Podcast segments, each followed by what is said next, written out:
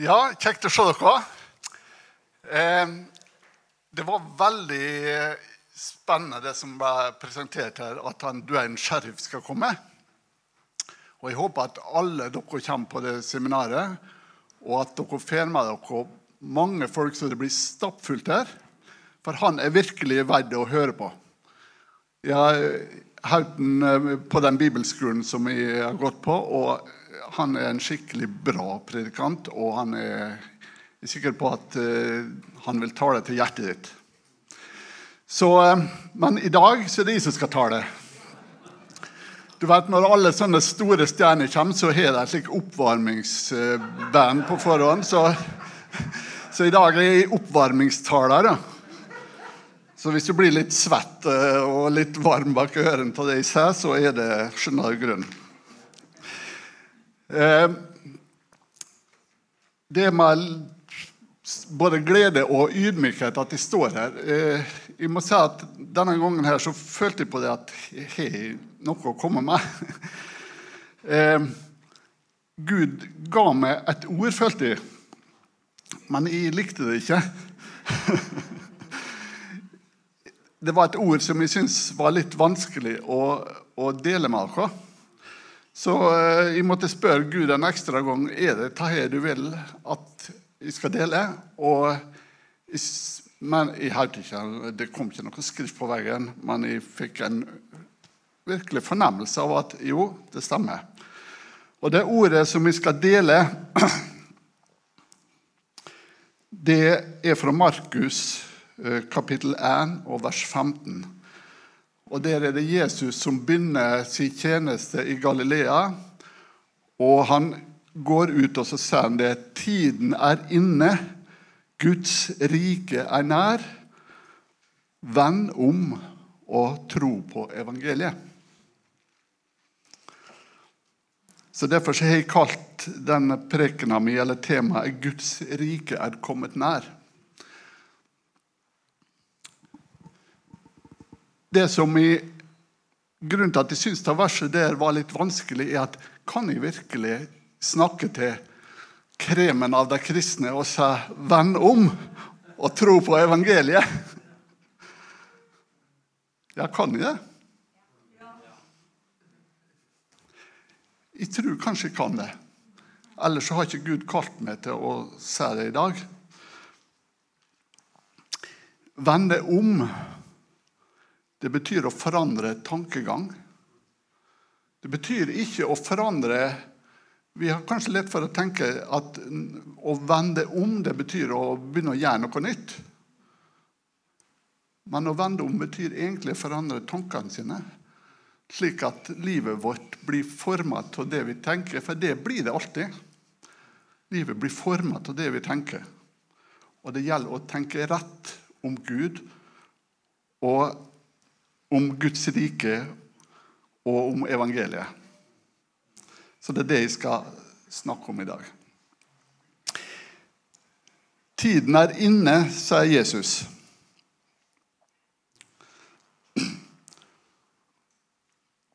Det betyr at det var et tidsskille.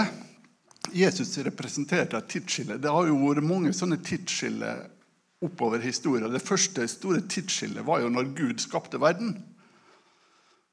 For Gud har jo vært bestandig til, men verden har ikke bestandig vært til. Så Det var et stort tidsskille. Og så var det et stort tidsskille når Adam og Eva synda. Det var et veldig stort tidsskille. Og så var det et stort tidsskille når eh, vannflommen kom, f.eks. Det var et stort tidsskille når eh, Moses fikk lova. Men så kom det et veldig stort tidsskille når, når Jesus kom til jord. Og jeg tror kanskje ikke Sjøl nå 2000 år etterpå så skjønner vi ikke for hvor et stort tidsskille det egentlig var når Jesus kom. Fordi han sier at Guds rike er kommet nær.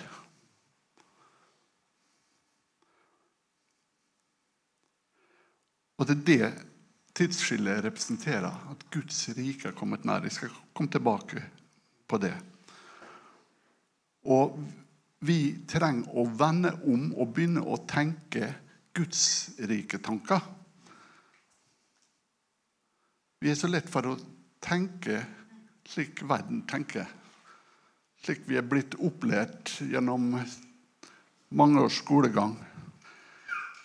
Slik eh, media tenker. Slik eh, eh, de ikke-troende tenker.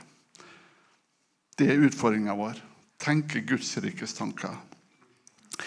Jesus sier noe Jeg skal sitere mange bibelvers. Det blir Og det Jeg liker det. For Guds ord er levende og kraftig. Og når du forkynner Guds ord, les bibelvers, så jeg skaper det noe sjøl. Da er det ikke jeg som skaper det, men ordet i seg sjøl har kraft i seg.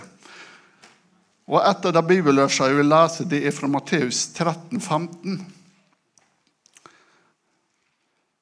Det underbygger litt av det som er tittelen her. For hjertet til dette folket er blitt sløvt, står det.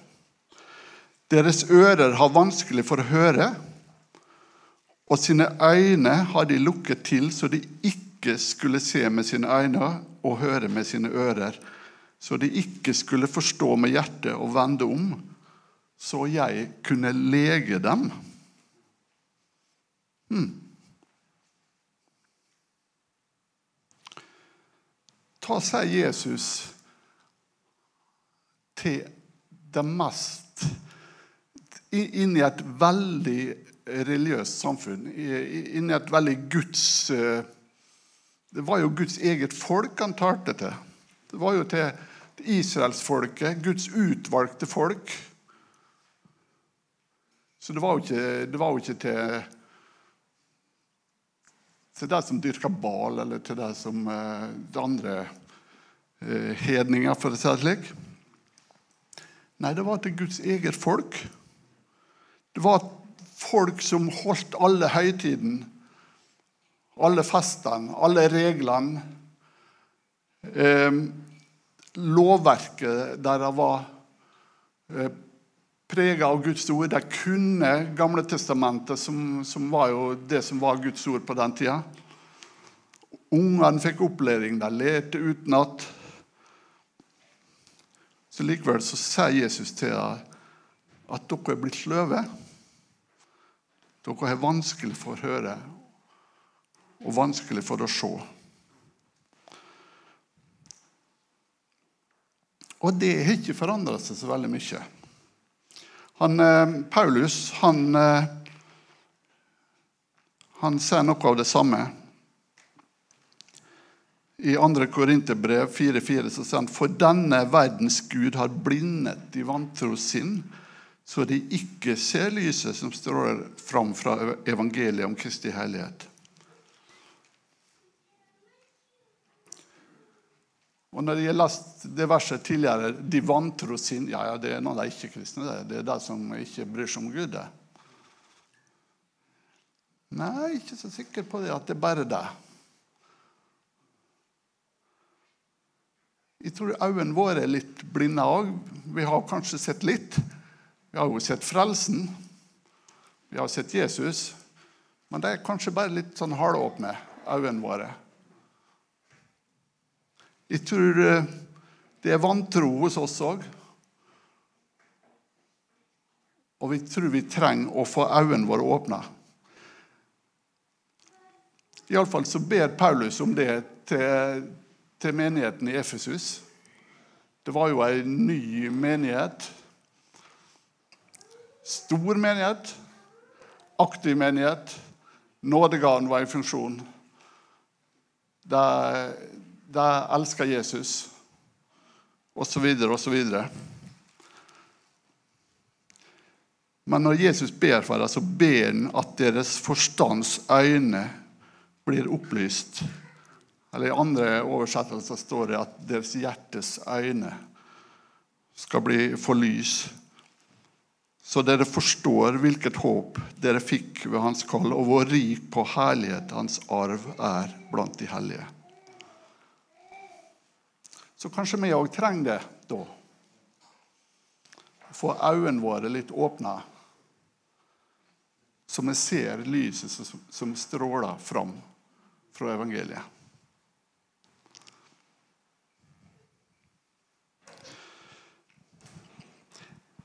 Jesus, I Lukas 4, 18, så, så beskriver Jesus hva hans oppgave er på jorda.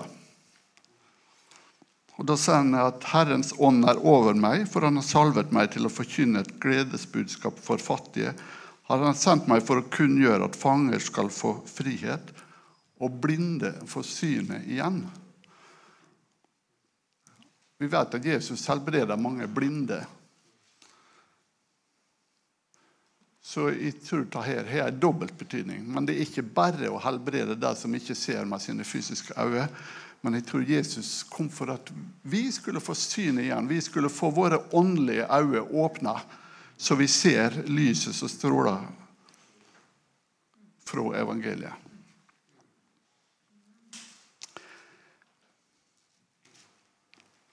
Og hva er lyset som stråler fra evangeliet? Skal jeg ta noen punkt. Resten av prekena mi går på å ta noen punkt om hva er lyset som stråler fra evangeliet.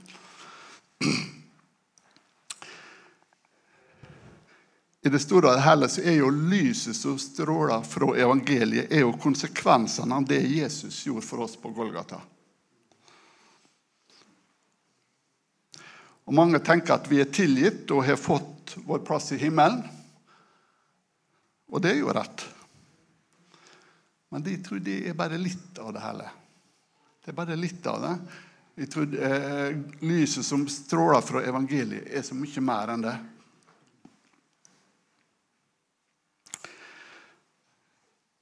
Og en av de tingene det er, det er at vi har fått en ny ånd inni oss.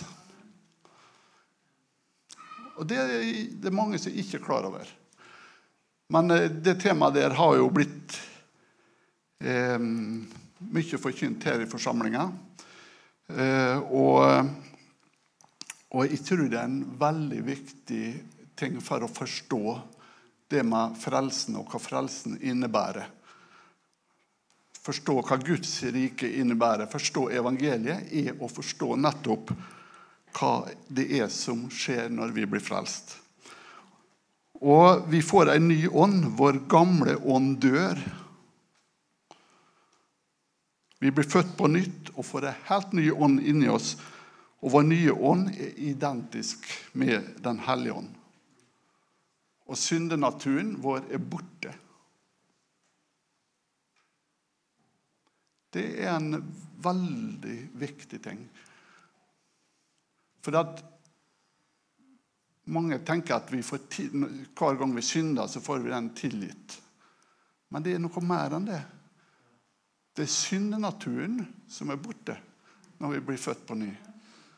Den gamle naturen som hadde en tendens til å synde, den er ikke det lenger. Vi har fått, vi har fått en ny ånd som er identisk med Jesu ånd. Og den synder ikke. Det er derfor det, det er forskjellige plasser i Nytestamentet Jeg skal ikke sitere det. Det står, det står at vi kan ikke synde. Den som er født på ny, kan ikke synde. Og Det har vært mye diskusjon omkring. Men det er vår ånd som ikke kan synde. Det er ikke kjødet vårt. For vi synder. Men men ta et stort tema i seg sjøl, og jeg skal ikke gå inn på det. Men jeg tok meg med to bøker som jeg fant i bokhylla mi som heter 'Ånd, sjel og legeme'. Som er skrevet av han Andrew Womack, som dere så på skjermen her tidligere i dag. Og nå skal jeg gi vekk disse to bøkene her. Er det nokså lyst på ei? Veldig god. Rett opp hånda.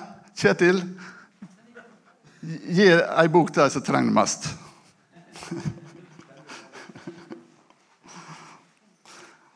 ta ler på Andrew Momack.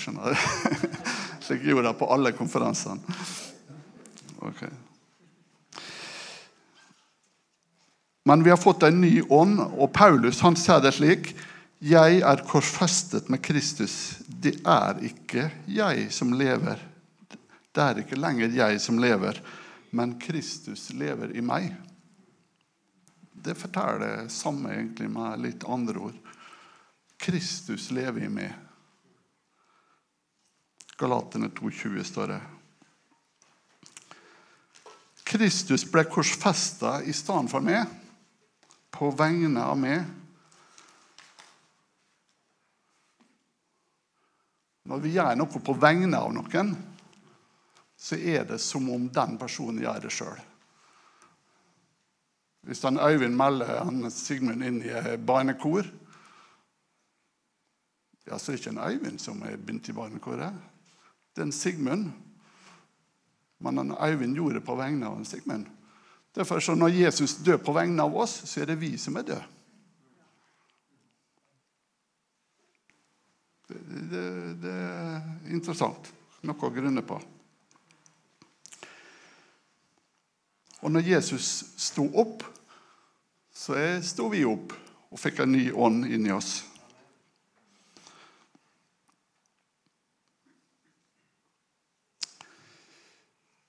En annen ting ved Guds eh, rike, at Guds rike er kommet nær, det at vi er en del av en usynlig virkelighet, en åndelig virkelighet. Og Det er det viktig for oss å, å skjønne og forstå.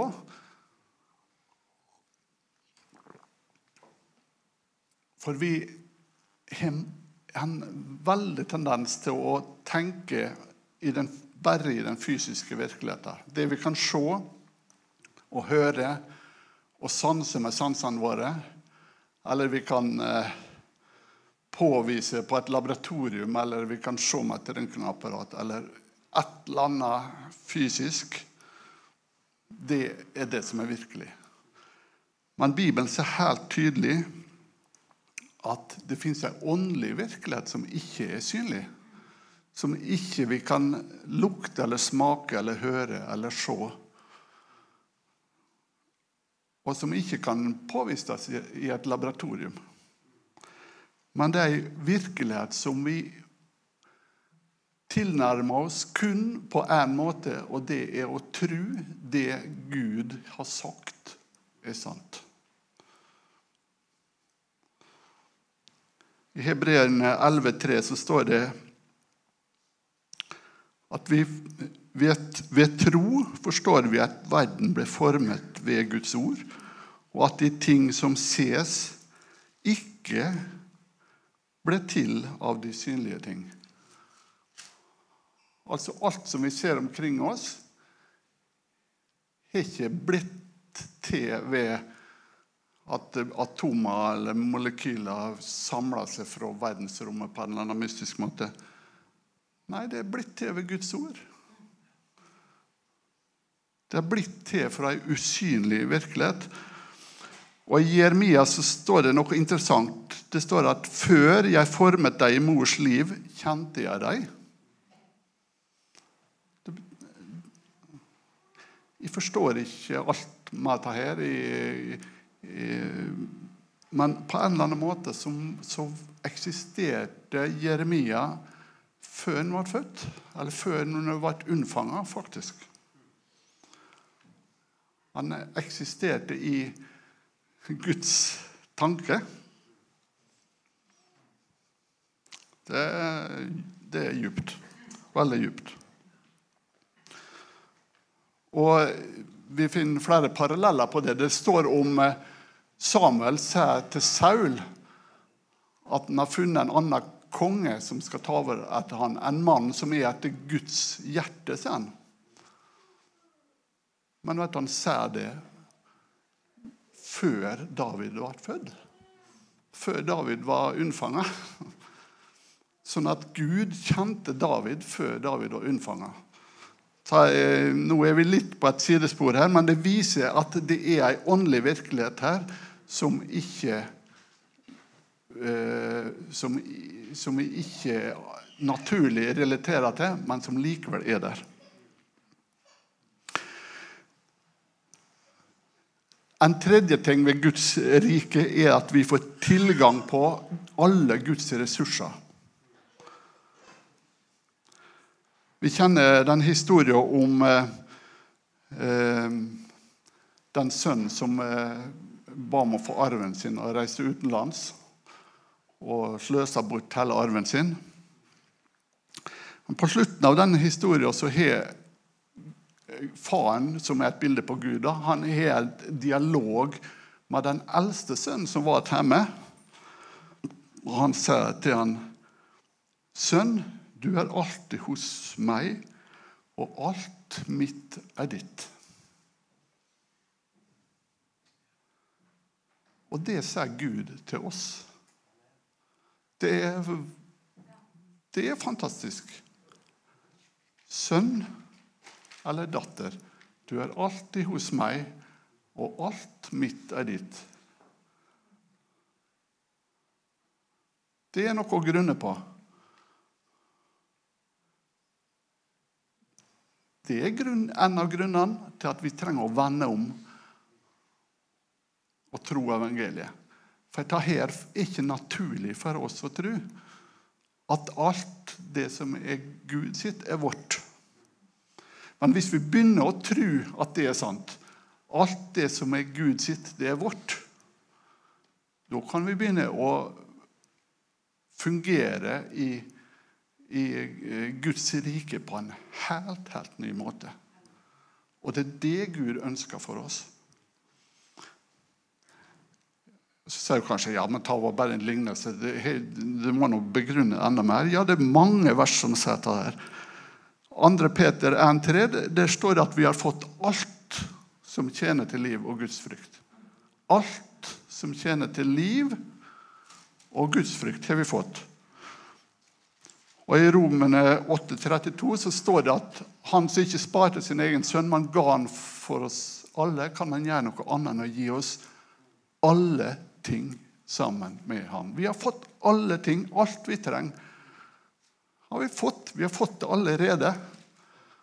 Og hva, hva gjør det med bønnelivet vårt, f.eks.? Trenger vi å, å, stå på våre kne og trygle og be Gud om igjen og om igjen og om igjen, om igjen om å få ting?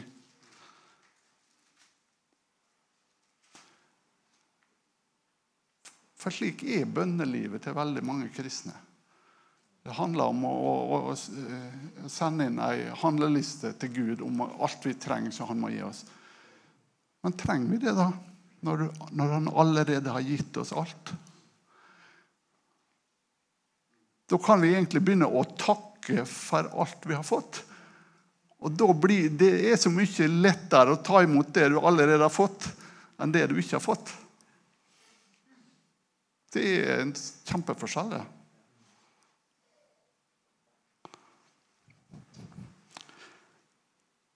En fjerde ting det er kraft. Har vi fått kraft? Alle svarer ja på det. Men vises det i livet vårt? Ser vi mye av den krafta i livet vårt? Vend om og tro evangeliet.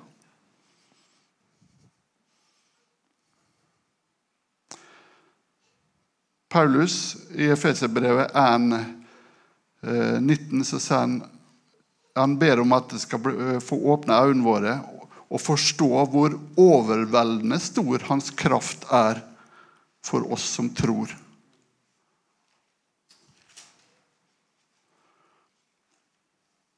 Ja Er vi villige til å få øynene våre åpna så vi ser den krafta vi har fått, og tar henne i bruk?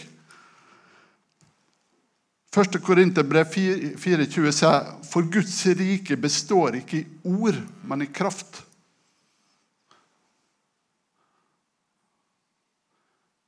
Det er lett å prate. Men det er ikke så lett å operere i kraft. I apostelgjerningene 1,8 så står det Men dere skal få kraft når Den hellige ånd kommer over dere. Det er bare noen få vers der det står om at vi har fått kraft Når, hellige, når vi fikk Den hellige ånd, så fikk vi kraft samtidig. ikke det er spennende? Det, det, er kjempespennende, og det er veldig viktig at vi får åpna øynene våre og vende oss om og begynne å leve i tråd med dette. her.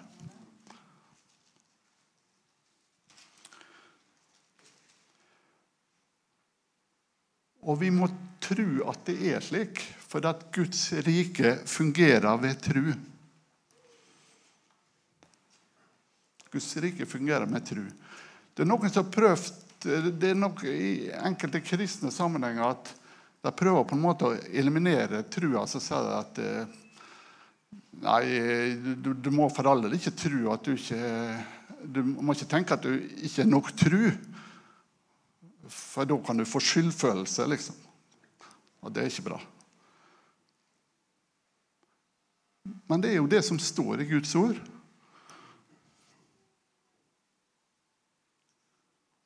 I Johannes 14, for eksempel, Sannelig, sannelig, sier jeg dere, den som tror på meg, han skal gjøre de samme gjerningene som jeg gjør. Han skal gjøre, han skal gjøre større gjerninger enn disse den som tror på meg.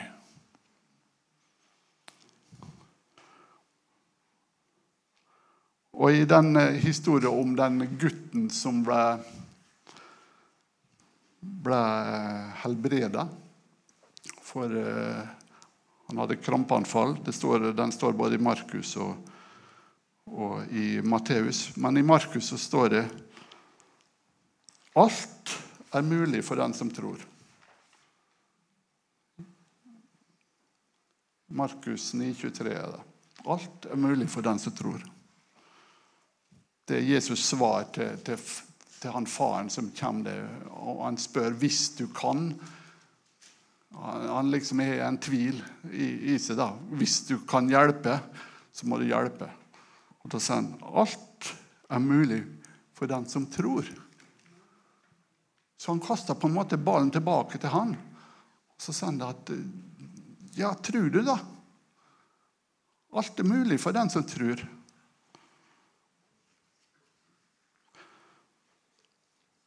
Men det er jo rett at troa ikke er en prestasjon. Efesene 2,8 er jo veldig klar på det. Av nåde er dere frelst ved tro.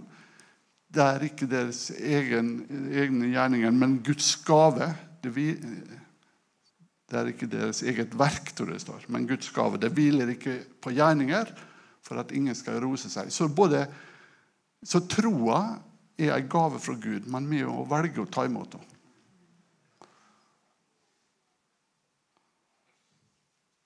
Av nåde er dere frelst ved tro. Det er et veldig sentralt vers. Nåden er på en måte Guds del. Men vi må tro det og ta imot det. Vi må ta i bruk den troa som Gud har gjort tilgjengelig for oss.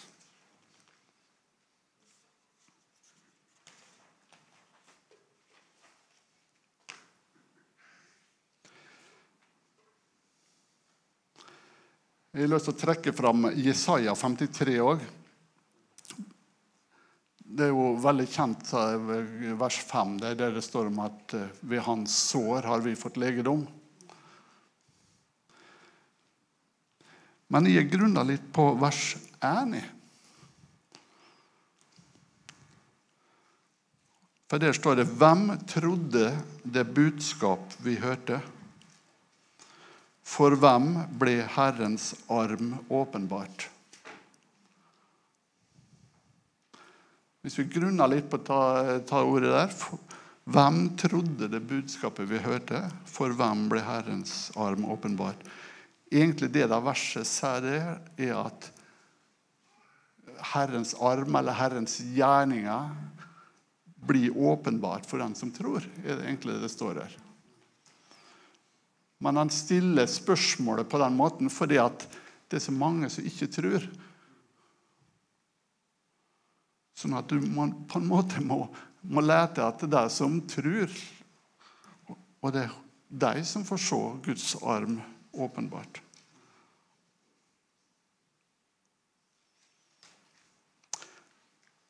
Hebreerne 11 sier at tro er full tillit av det en håper på. Overbevisning om det en ikke ser. Og det, det er jo helt sant.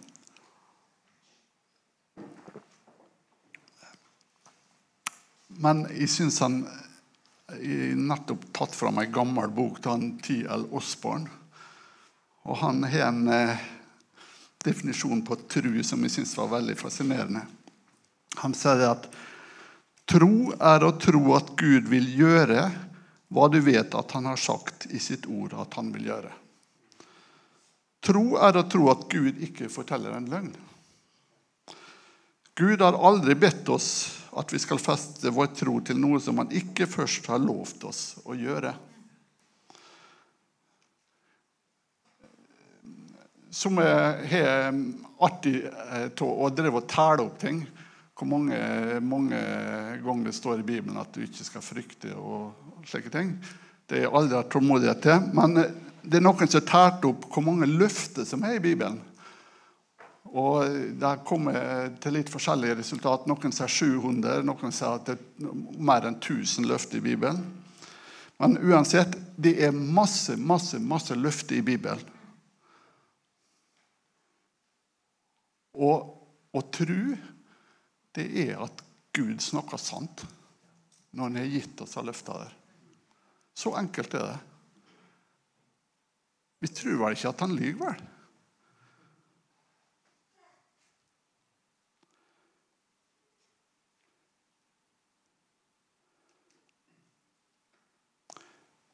Det står jo det i Fjerde Mosebok. Gud er ikke et menneske han skulle lyge, står det. Eller et menneskebarn som han skulle angre. Har han talt uten å gjøre det? Eller har han talt uten å sette det i verk? Vi trenger å ha tillit til Guds ord, at når Guds ord sier noe, så er det Gud som har sagt det. Han holder det han lover, 100 Og Synes vi ikke å se at Gud holder det han lover, så er det med oss det er noe feil, og ikke med Gud. Det må vi ha som utgangspunkt.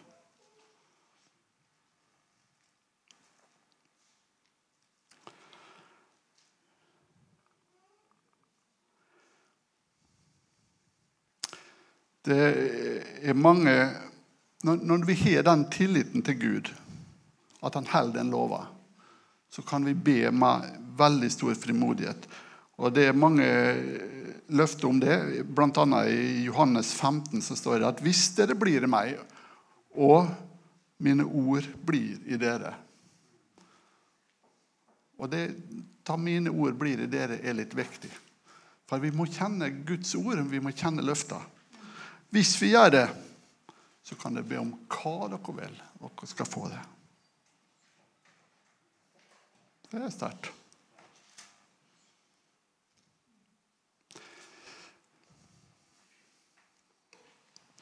Så er det en ting ved, ved Guds rike som er spennende. Og det har med ordene våre å gjøre.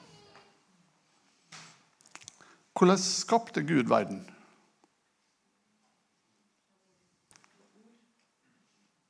med ordet. Ja. Bli lys, sa han. Det var ikke noe slik hokus pokus, trylleformler Nei, bli lys. Så var omtrent så slapp han bryter.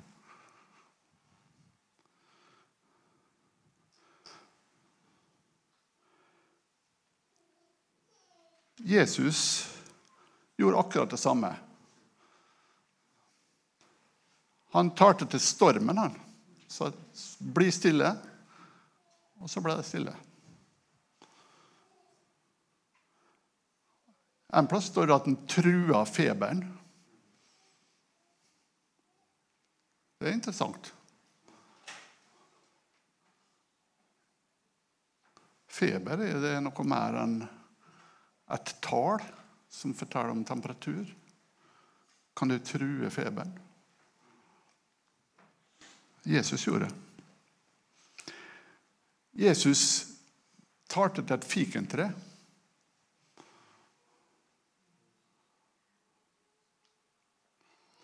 Og fikk den til å visne. Og Jesus talte til åndsmakter.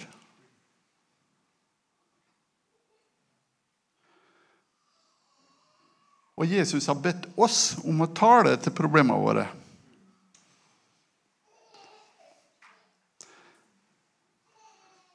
I eh, Markus 11, 23 og 24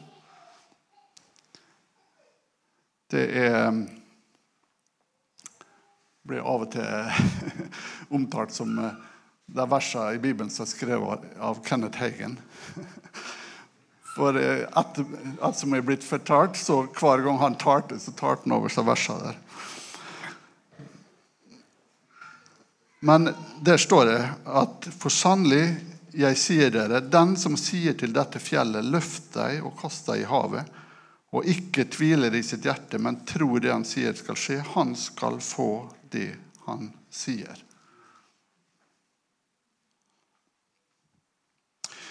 Så Gud skapte ved å tale, Jesus skapte ved å tale, og vi skal skape ved å tale.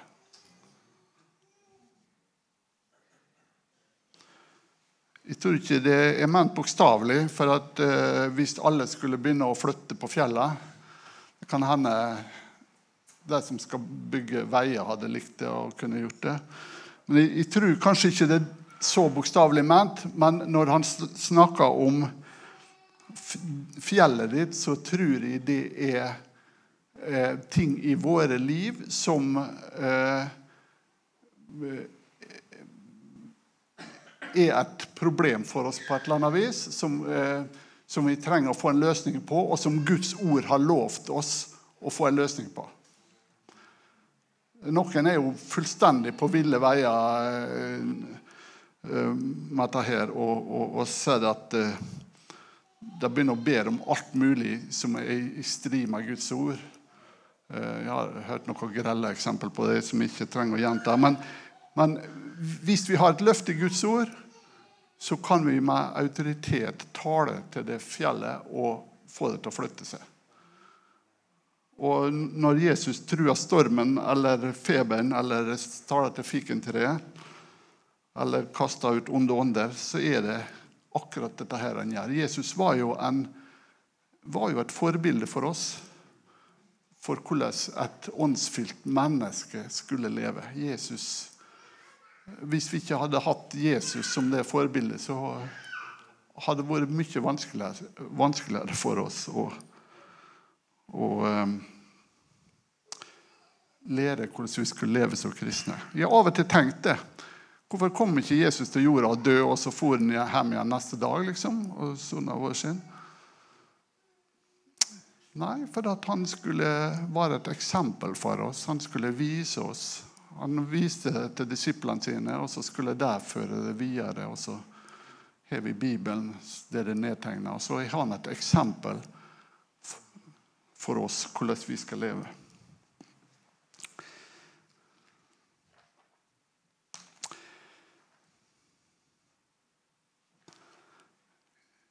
Jeg er i ferd med å bruke opp tida mi, Kjetil.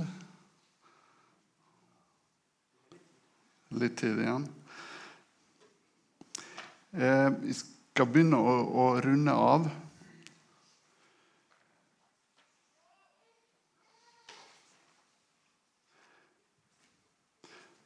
Eh, jeg har lyst til å si litt om det med å handle på, på trua. Noen gjør et veldig stort poeng av det, og jeg tror det er et poeng i det. For Jakob eh, sier jo det at ei tro uten gjerninger er død tro. Eh, Jakobs brev 2,26 står det. Hvis, eh, hvis, vi tror på noe og ikke handler i samsvar med det, så er det jo et spørsmål om, eh, om vi egentlig tror. Eh, hvis, vi, hvis, vi, tror at eh, at det er et tidsinnstilt bomme i kjelleren her som vil gå av kvart over tolv, så sitter ikke vi her eh, noe lenger, for nå er hun 14 minutter over. Da, da handler vi på det, ikke sant? Da, da, da sørger vi for å komme oss ut derifra. Men når Guds ord sier noe, og vi hevder at vi tror det, og så handler vi ikke på det Tror vi det egentlig? Et litt ransakende spørsmål. Det siste punktet mitt er hvordan skal vi tro? Og på det punktet så er jo Bibelen helt klinkende klar. Trua kommer av Og den kommer av Den kommer av Kristi ord. Trua kommer av å la Guds ord påvirke oss. Romerbrevet 10, 17 står et av verset her. Så kommer da troen av det vi hører, og det en hører, kommer ved Guds ord. Men det står òg i Gamle testamentet, mange plasser faktisk. Men jeg kan bare sitere Salme 1, vers 2-3, der det står at vi eh, Hvis vi grunner på Hans ord dag og natt, så skal vi bli som et tre som er planta ved rennende bekker, og som bærer frukt i rett tid, og løvet skal ikke visne på det. Og alt vi gjør, skal lykkes for oss. Større. Så kjenner vi at vi mangler tro, så vet vi hvordan vi skal få det. Det er å grunne på Guds ord, grunne på Guds ord, grunne på Guds ord. Lese det, høre det, meditere på det, synge det, tale det ut. Og så vil trua bli skapt i oss, omtrent som et frø som blir putta i jorda og blir vatna, og så vil det begynne å vokse og bære frukt. Så det er utfordringa vår. Men det kan ha en pris. Og jeg tror det er derfor at vi mange ganger vegrer oss for å ta Guds ord på alvor. Det koster litt. I 2. Timoteus 3,12 så står det alle som vil leve Guds fryktig i Kristus Jesus, skal bli forfulgt. Hm. Paulus han var jo superforfulgt. Mesteparten av brevene som han skrev, skrev han når han satt i fengsel. Han ble steina mange ganger, hudfletta, piska. Nå er det jo ikke sikkert at vi kommer til å oppleve det, men at vi kommer til å oppleve motstand når vi begynner å vil praktisere det vi tror, det er helt sikkert. Så spørsmålet er er du villig til det. Men Jesu oppfordring er iallfall helt klar. Tiden er inne. Guds rike er kommet nær. Vend om og tro på evangeliet. Amen.